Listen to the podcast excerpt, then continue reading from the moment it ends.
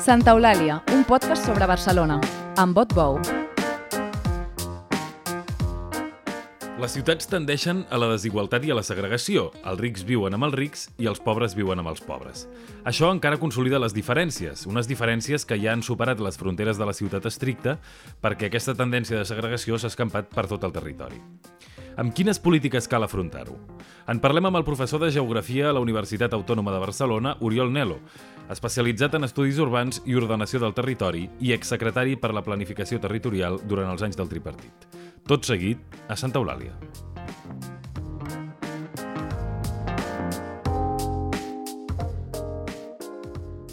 Professor Oriol Nelo, benvingut a Santa Eulàlia. Encantat d'estar aquí. Gràcies. Uh, escolti, comencem parlant de segregació i desigualtat. La desigualtat a Barcelona és una cosa, és una qüestió que ha anat, uh, que, que ha anat creixent al llarg dels anys. Ara estem, uh, les dades de fa un temps deien que la renda mitjana de Pedralbes, per exemple, multiplica per 7 la de Ciutat Meridiana. Uh, aquesta segregació entre els barris uh, no s'acaba per això amb la renda. Quins efectes té? Quines són les característiques principals de la segregació a Barcelona? De fet, la tendència a l'increment de la desigualtat i la segregació és un tret comú a totes les grans ciutats europees i, de fet, a bona part de ciutats del món.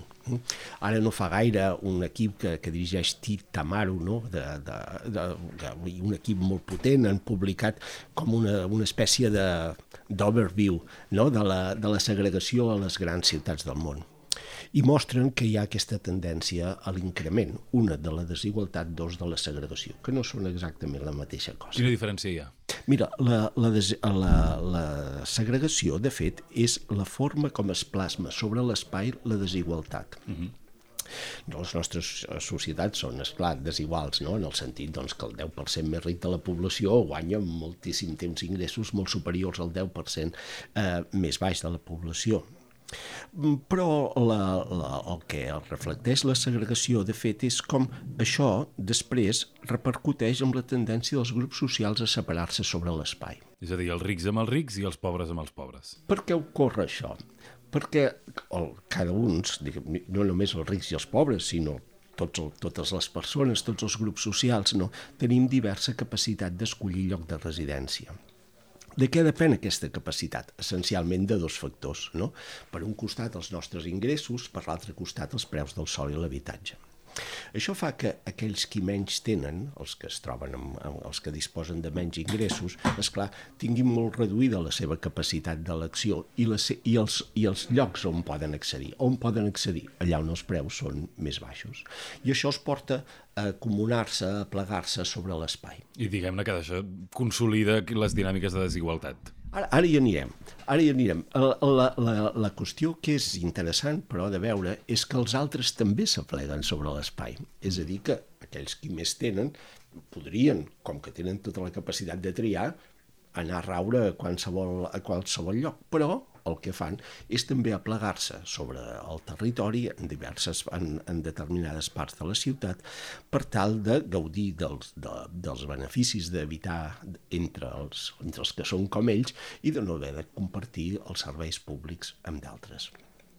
Eh, la, la segregació avui és un fenomen, primer, a vegades es diu, escolta, és que la crisi econòmica o, o Barcelona o Madrid o no sé, eh, com si fos una, una excepció temporal o una excepció territorial. No, Eh? La segregació és un tret consubstancial al procés d'urbanització capitalista. Uh, Cerdà ja la mostrava aquí amb la seva monografia estadística a la classe obrera en Barcelona, ja mostrava la segregació, o Engels en el seu famós uh, reportatge sobre Manchester el 1844, no? aquell The Condition of the English Working Class. Primer... Que, que Cerdà ja, perdoni, eh, la interrupció, que, que Cerdà ja la mostrava vol dir que en els seus diagnòstics ja la identificava. Diguem. Sí, ja la identificava. En temps de Cerdà, eh, la, la segregació tenia una, unes peculiaritats, no? Mm, en, en bona part encara era segregació vertical. Vol dir que gent amb nivells d'ingressos diversos residia dins del mateix immoble, no? Uh, i, i de tal manera que el principal era el principal perquè vivia la persona principal, molt sovint el, el propietari de l'immoble, no? Però mostrava ja també com hi havia diverses parts de la ciutat que es anaven especialitzant. Aquí on som nosaltres ara mateix, el Raval, no, ja estava especialitzat en determinats grups socials. No? Eh, això s'ha anat eixamplant sobre l'espai a mesura que la ciutat s'ha anat també escampant. I una altra de les característiques principalíssimes avui de la segregació és que ha fet un salt d'escala. Què volem dir amb això? Que ja no reflecteix només en l'interior dels edificis, està clar, ni en els barris d'una mateixa localitat, sinó que es reflecteix a escala molt més àmplia sobre, sobre àmbits metropolitans. Per tant, si nosaltres volem veure avui l'àmbit metropolità de Barcelona, ens adonem de seguida com la segregació afecta municipis sencers, fins i tot eixos metropolitans sencers. No? Si tu agafes, per exemple, els barris més acomodats, els barris més benestants, no? doncs veuràs que de seguida els, aquells que són més, més, més, més, més afluents, no? doncs eh, a la dreta de l'Eixample, l'Escor, Sarrià, Sant Gervasi i saltant per sobre de, de Collsona Cerdanyola, per Vallvidrera, doncs se'n va cap a Sant Cugat, etc etc. No? I per l'altre costat doncs, tens l'eix de la carretera de Collblanc, no? Collblanc, la Torrassa, la Florida, Can Vidalet, etc etc. i per l'altre tota la baixada del Besòs, no? La, eh, si comences a Montcada, no? la Ribera, Can Sant Joan, Vallbona, Can Cuià, Ciutat Meridiana, mm, les dues Trinitats, Roquetes, Canyelles, Baró de Viver, Bon Pastor, etc. No, no cal que... I per l'altra i per l'altra riba el mateix, no? Ah, que si les oliveres, el cingarlín, el, el fondo, etc etc fins que arribes a baix. Això és una tendència molt particular de Barcelona? No, no, no, de cap manera.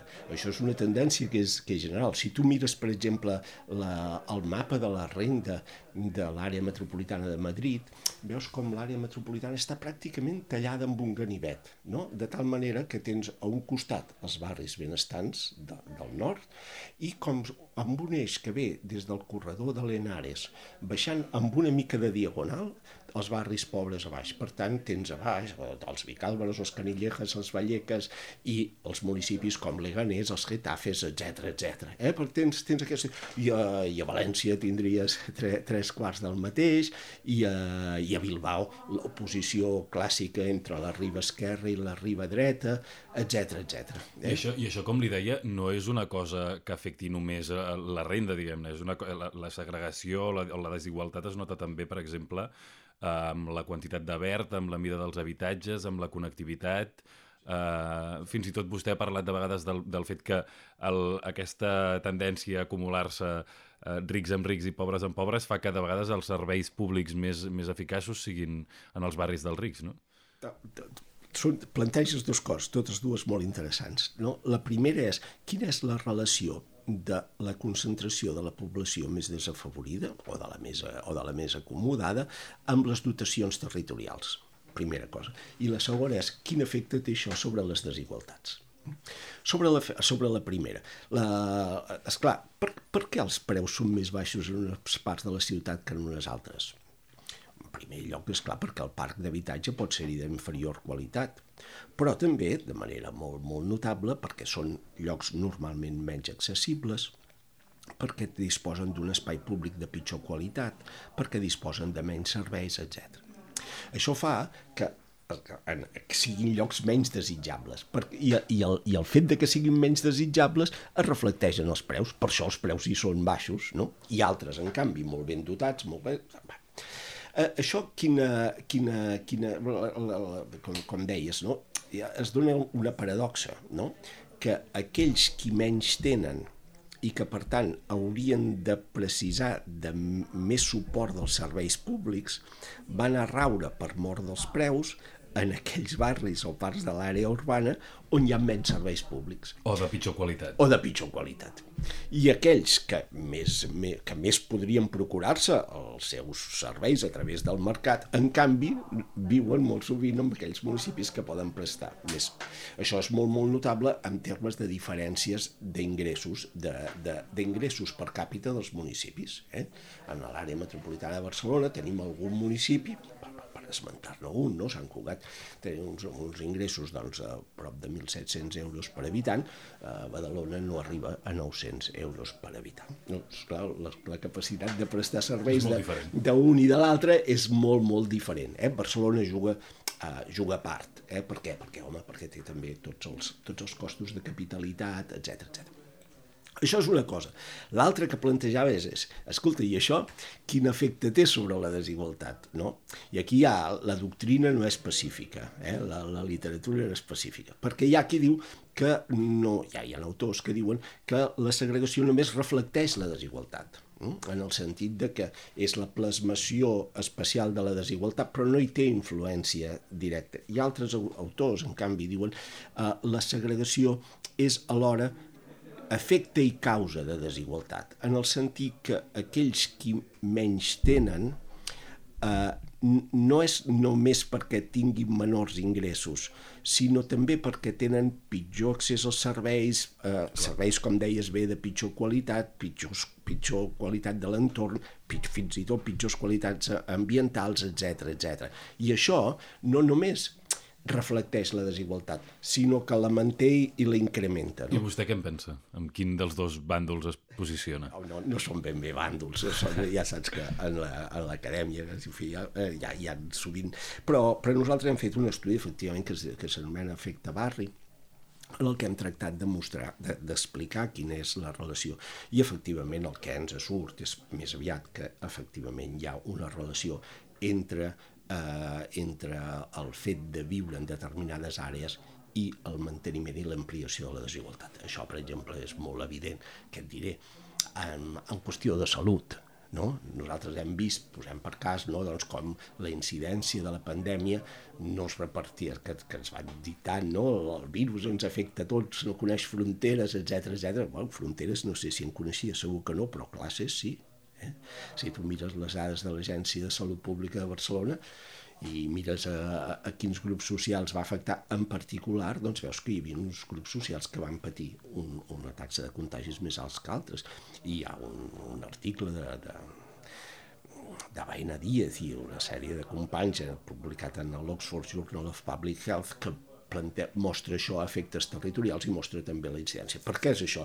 Ah, home, doncs perquè les condicions de vida de la major densitat, la necessitat de bellugar-se més, etc etc, que no poder-se quedar a casa, no? com, com, perquè, perquè la gent havia de treballar amb aquelles feines bàsiques, no? que són les feines que sovint són les menys, les menys eh, remunerades i les menys respectades, doncs feia que els estaven més exposats al contagi. Mm -hmm. I escolti, això com ho reequilibrem? És a dir, aquesta, aquesta espiral de consolidació de la, de la segregació entre barris, com la podem compensar?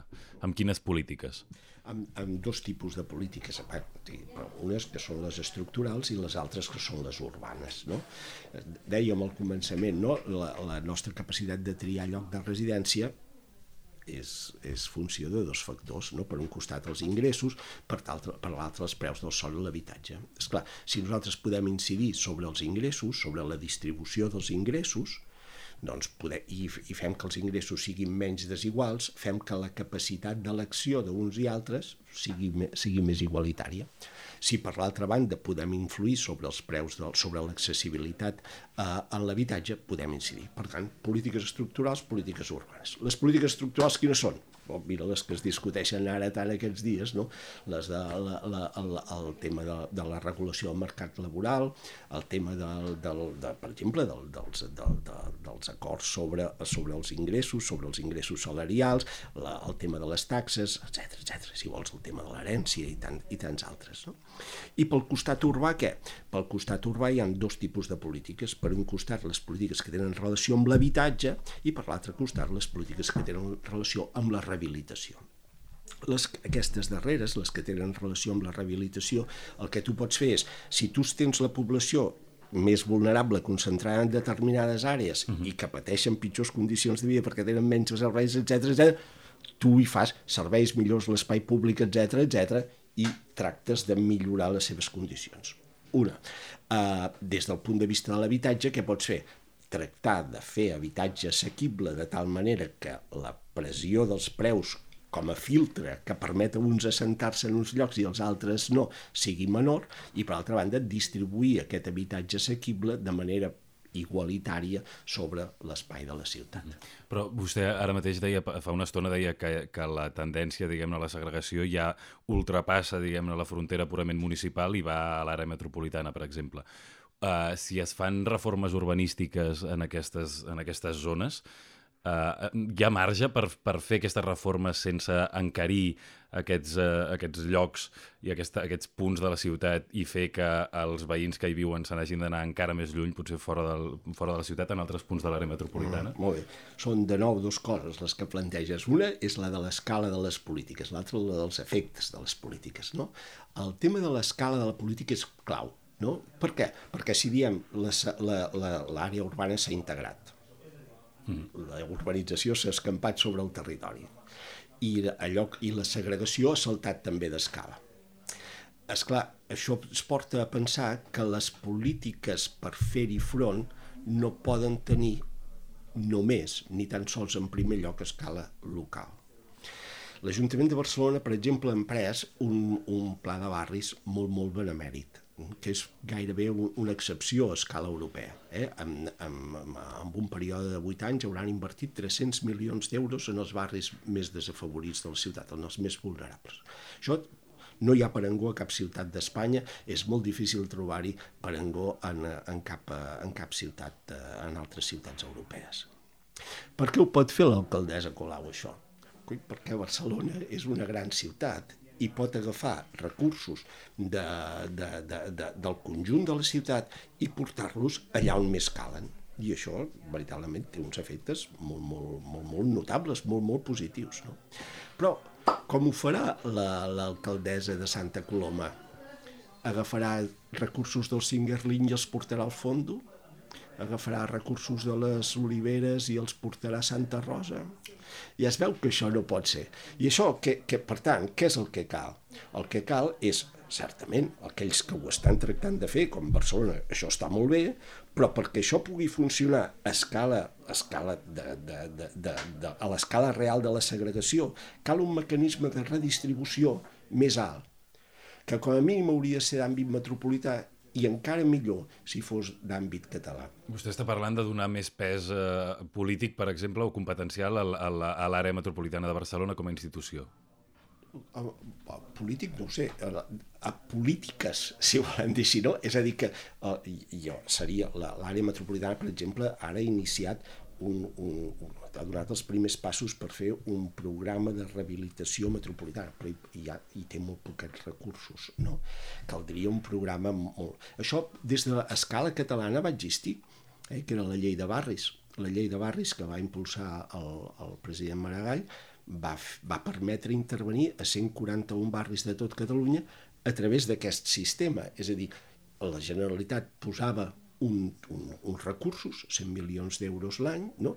cridava als alcaldes, de, com si el Carles fos l'alcalde, no? senyor alcalde, eh, vostè té un, un barri amb aquesta situació, eh, te'l portava a tu, que eres el president de la, de la Generalitat, si tu el podies seleccionar, perquè ell havia fet un bon programa i, i mostrava que estaven en una situació de vulnerabilitat, deies, jo t'ajudaré. I què vol dir que jo t'ajudaré? Doncs que te'n financiaré entre el 50 i el 75%.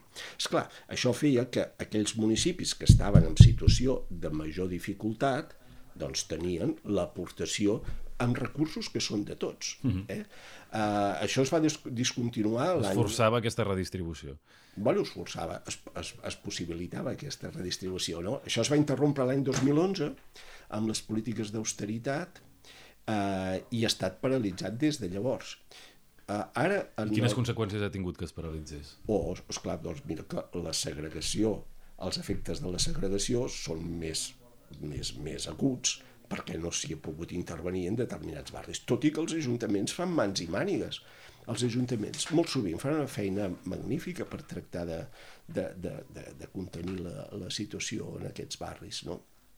Però, però esclar, però alguns no tenen recursos el, que està, el pla de barris, per exemple, de l'Ajuntament de Barcelona mostra el que podria ser el que, el que, per exemple, el, el, el, el, el cas de l'Ajuntament de Barcelona, han portat fins a l'extrem allò que anomenem la transversalitat de les polítiques. És a dir, no intervenir només sobre les qüestions d'espai públic o d'equipaments, etc, sinó intervenir en tots els aspectes que fan tenen relació amb la vida del barri. Per exemple, un de cada cinc euros que es gasten és amb educació, o amb salut, o, o en qüestions que et diré, fins i tot d'activitats extraescolars, no? Eh, I això, esclar, té, té un efecte molt, molt, molt, molt positiu. si haguéssim tingut 40 anys de política de barris des de que va tornar la democràcia, les nostres ciutats serien una cosa completament diferent. Escolti, ara em va, em va molt bé aquest, uh, aquest enllaç amb la qüestió de l'àmbit metropolità perquè uh, una altra de les qüestions que volíem tractar era la macrocefàlia de Barcelona, el, el, el pes uh, enorme que té Barcelona i l'àrea metropolitana i fins i tot la regió metropolitana sobre el conjunt del país. En té massa de pes? Bueno, la primera qüestió és quin és el pes que té i cap on evoluciona aquest pes, no? Per què? Perquè després podrem dir si és massa o és massa poc, no? Mira, el, el, el procés d'urbanització es composa de dos moviments, Ot, que és un moviment de concentració de població i activitat sobre el territori, que en el nostre cas comença, doncs, eh, ja arrenca en el segle XVIII, no? es perllonga per tot el segle XIX, i avança fins a arribar al seu punt culminant en el període 1959-1975. En aquest moment, la, la, el 50% de la població de Catalunya va arribar a residir en el 2% del territori, en l'antic territori de la Corporació Metropolitana de Barcelona. Això és més cara? Proporcionalment. Ara, ara hi anirem, ara hi anirem. Uh, això, per tant, era molt, molt, molt, molt notable. Ara, aquest moment de la concentració ve seguit d'un segon moment que és el de l'eixamplament de les àrees urbanes, l'extensió de, la, de, les xarxes, de les xarxes de comunicació que permeten el creixent, la creixent descentralització de població i activitat sobre el territori. I això fa que avui Barcelona, sobre el conjunt de Catalunya, pesa menys del que pesava a començaments del segle XX. Barcelona avui pesa un 21%, a començaments del segle XX pesava un 27%. I ara tu em diràs, Nelo, em fas trampa perquè no hauries de parlar de Barcelona, sinó que hauries de parlar de l'àrea metropolitana, perquè aquest territori ja s'ha integrat. Mm. Però jo et diria, no és pas veritat, perquè l'àrea metropolitana va arribar, que era la teva pregunta d'ara, va arribar a pesar el 50% i ara pesa el 40%. I tu em diràs de nou, Nelo, em fas trampa perquè no hauries de parlar de l'àrea, sinó hauries de, de parlar regió. de la regió. I jo et diria, no és pas veritat, perquè la regió va arribar a pesar el 70 i ara està cap als dos terços. I què ha passat? El que passa és això, que hi ha hagut un moviment que Henri Lefebvre, no, el gran filòsof francès, va anomenar la implosió urbana, que ha anat seguint d'una explosió urbana, no? com una sístole i una diàstole. El que passa és que el moment de la sístole ens ha marcat tant el nostre imaginari i ha tingut efectes tan, tan notables. Que encara ens pensem que hi estem. Que, exactament. Que encara, que encara Eh, seguim pendents d'aquella geografia imaginària, que és la geografia del temps dels teus avis i dels meus pares. No? Eh, per tant, de la geografia que es va encunyar en els anys 60 i 70. No? En l'actualitat, no, eh, Barcelona, com dic, tendeix a perdre pes relatiu sobre el conjunt del país i, i l'àrea metropolitana també. Però I si és una cosa cíclica, no, no arribarà un moment d'aquí 10 anys o quan sigui, o 30, en què torni a passar al revés? el demà, el demà ningú l'ha vist, no és veritat, però, però és la, la, el que ens mostra l'experiència internacional és que és més aviat una tendència general aquesta de l'expansió a les àrees urbanes, no? I això, i això què, a què porta? Porta a que la vella distinció entre entre, què et diré, entre la Barcelona, entre la Catalunya metropolitana i la, i la resta de Catalunya sigui cada vegada més difícil de mantenir. No? Per el mateix principi que la vella distinció entre ciutat i camp avui és completament obsoleta. Li, no? li, li vaig sentir en una entrevista que la Catalunya rural ha deixat d'existir. No sé si sí, es refereix a sí, això sí, o, és, sí, sí, sí. o és una qüestió de model econòmic també. No, no, és també de model econòmic, però en el sentit de que com, havia, com definim nosaltres ruralitat? Com, com definiries tu ruralitat? Què és, què, és, què és un territori rural? És un territori en què hi ha menys densitat de població, més dedicació eh, a l'agricultura i a la ramaderia, diguem-ne. I... El Pirineu, per exemple, és un territori rural. Ho és? Quants pagesos queden al Pirineu? Cada vegada menys. 2.400. 2.490 en les darreres dades que jo vaig veure de l'IDESCAT, no? el, el, quin és el sector dominant de l'economia del Pirineu? Els serveis. Els serveis. El Pirineu és una gran àrea de serveis. Vol dir que hem Això- substituït la això- Catalunya rural per una això- Catalunya de serveis. Això, el, la, el conjunt de la societat catalana és una societat de serveis, no? I això se'ns fa, eh, se'ns fa molt, molt difícil avui, de, de, més enllà del tema fins a cert punt banal de la densitat, i ara t'explicaré, i ara tractaré d'explicar per què banal, eh, la distinció se'ns fa pràcticament insostenible. Les formes de vida, les estructures familiars, les activitats econòmiques, el mateix mercat immobiliari mm, funcionen d'una manera completament integrada. Mm, I, eh, les, la, fins i tot els temes que han estudiat els antropòlegs, el sistema de valors, la, la forma de, tra, de transmissió de la...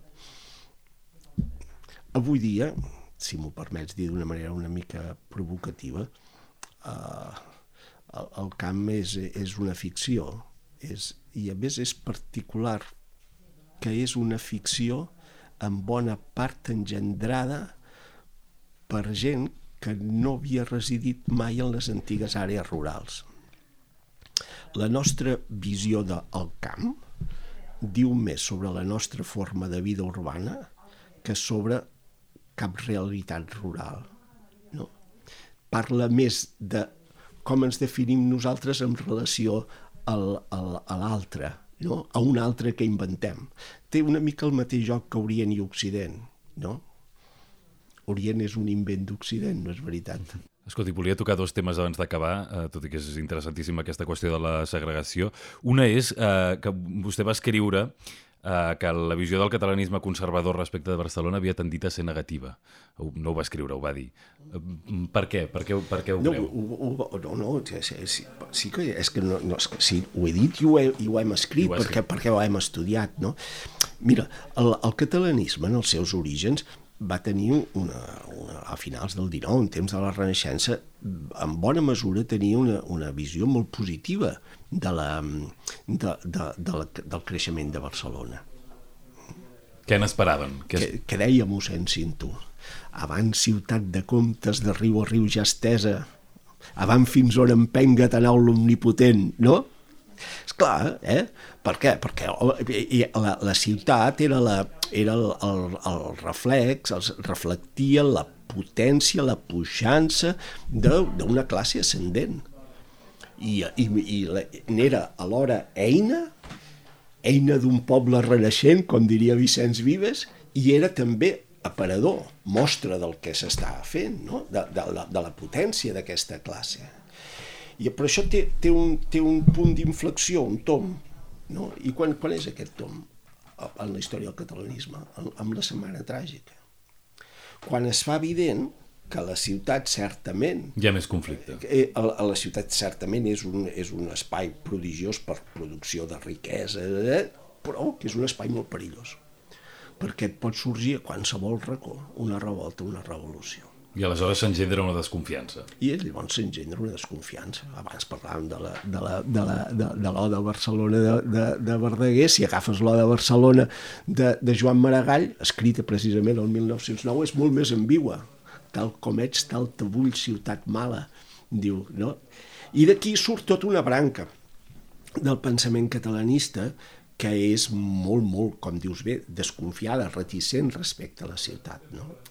És la línia de Gaciel, no? I que després arriba fins a Pujol? Bueno, doncs sí, sí, si ho vols dir així, sí. sí No, no, li sí, pregunto, li a, a pregunto. bona mesura, sí. Mi- Mira, què, què, què deia Gaciel, no?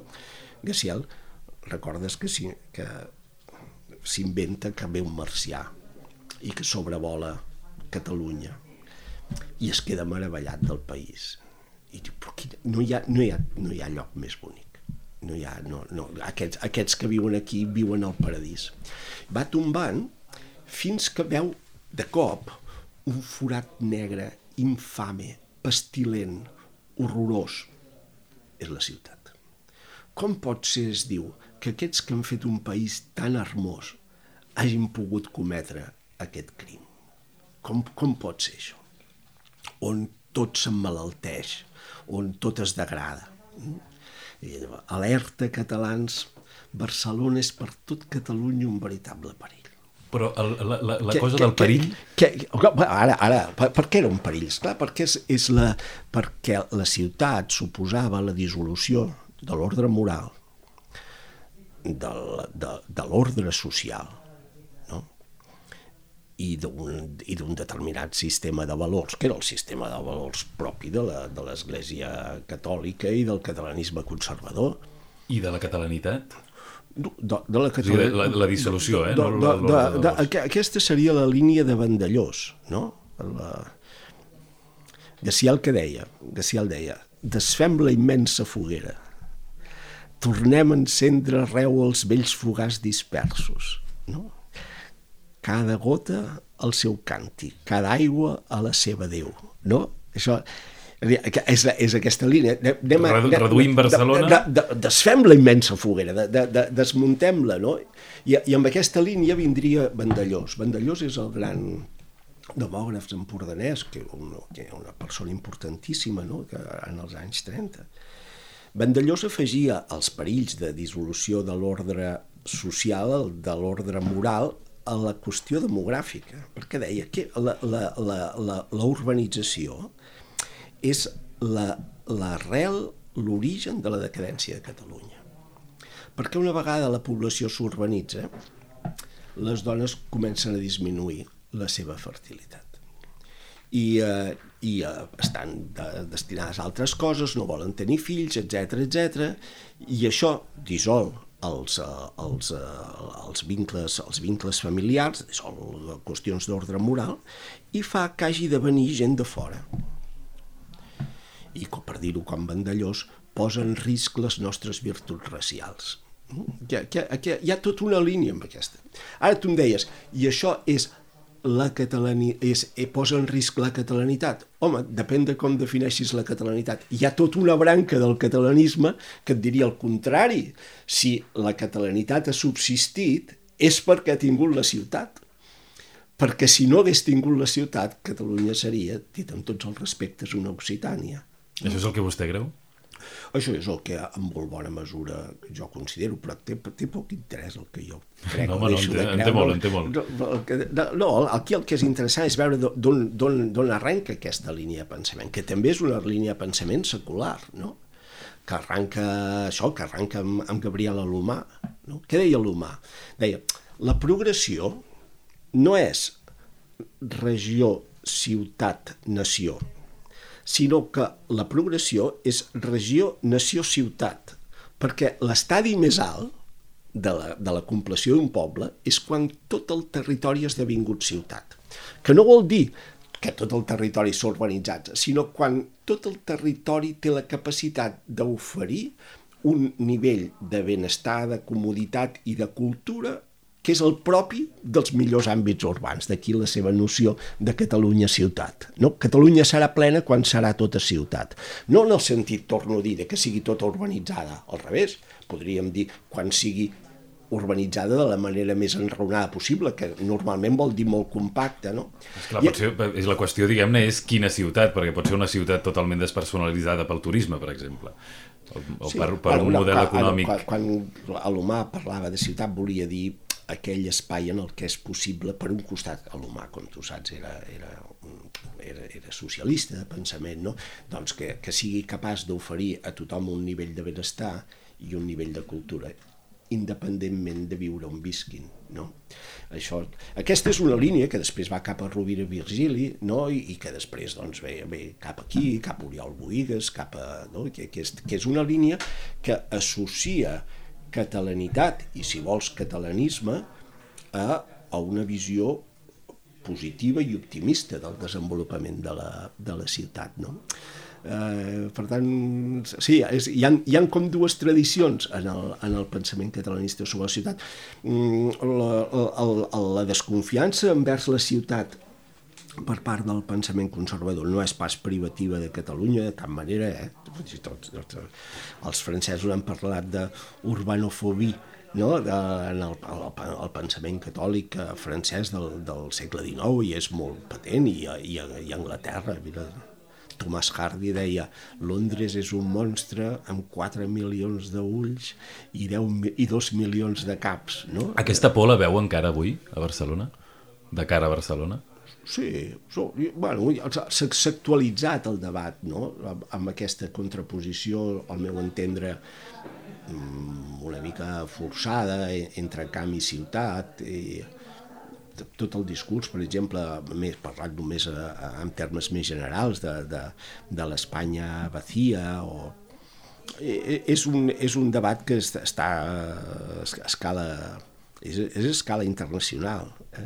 Per exemple, què et diré, a, a, a França el moviment del Gillette Jones, no, dels, de, les, de, de, de les jaquetes grogues, no, va poder ser interpretat com la revolta de la, França, de la França perifèrica contra París o a Anglaterra també la, la insatisfacció que es va expressar en el, en el Brexit es va interpretar com The Revenge of... Londres the... contra la resta de... Exacte, The Revenge of the Places That mm. Do Not Matter, no? De, de, contra Londres. No? O la victòria de Trump, per exemple. O la victòria de Trump. Sí. Al meu entendre, aquest tipus d'oposicions territorials enmascaren les contradiccions de fons, que són contradiccions eh, més aviat de classe eh?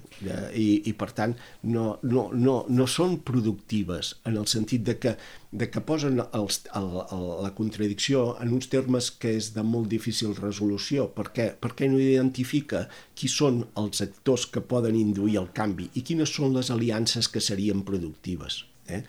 Uh, no, hi ha, no hi ha una contraposició entre una Catalunya urbana i una Catalunya rural. Hi ha, hi ha uns interessos d'uns determinats grups socials que són urban, que són arreu del territori uh, davant dels interessos d'uns altres. Eh? Professor, continuaríem, però ho hem de deixar aquí. Ha estat un plaer. Moltíssimes gràcies per, per venir a Santa Eulàlia. Gràcies a vosaltres. Recordeu que ens podeu fer arribar els vostres comentaris i suggeriments a l'adreça de correu electrònic santaeulàlia.vilaweb.cat santaeulàlia.vilaweb.cat Gràcies. Santa Eulàlia és un podcast de VilaWeb presentat per Otbou amb Carles Garcia al servei tècnic i a les veus Maria Castanyer.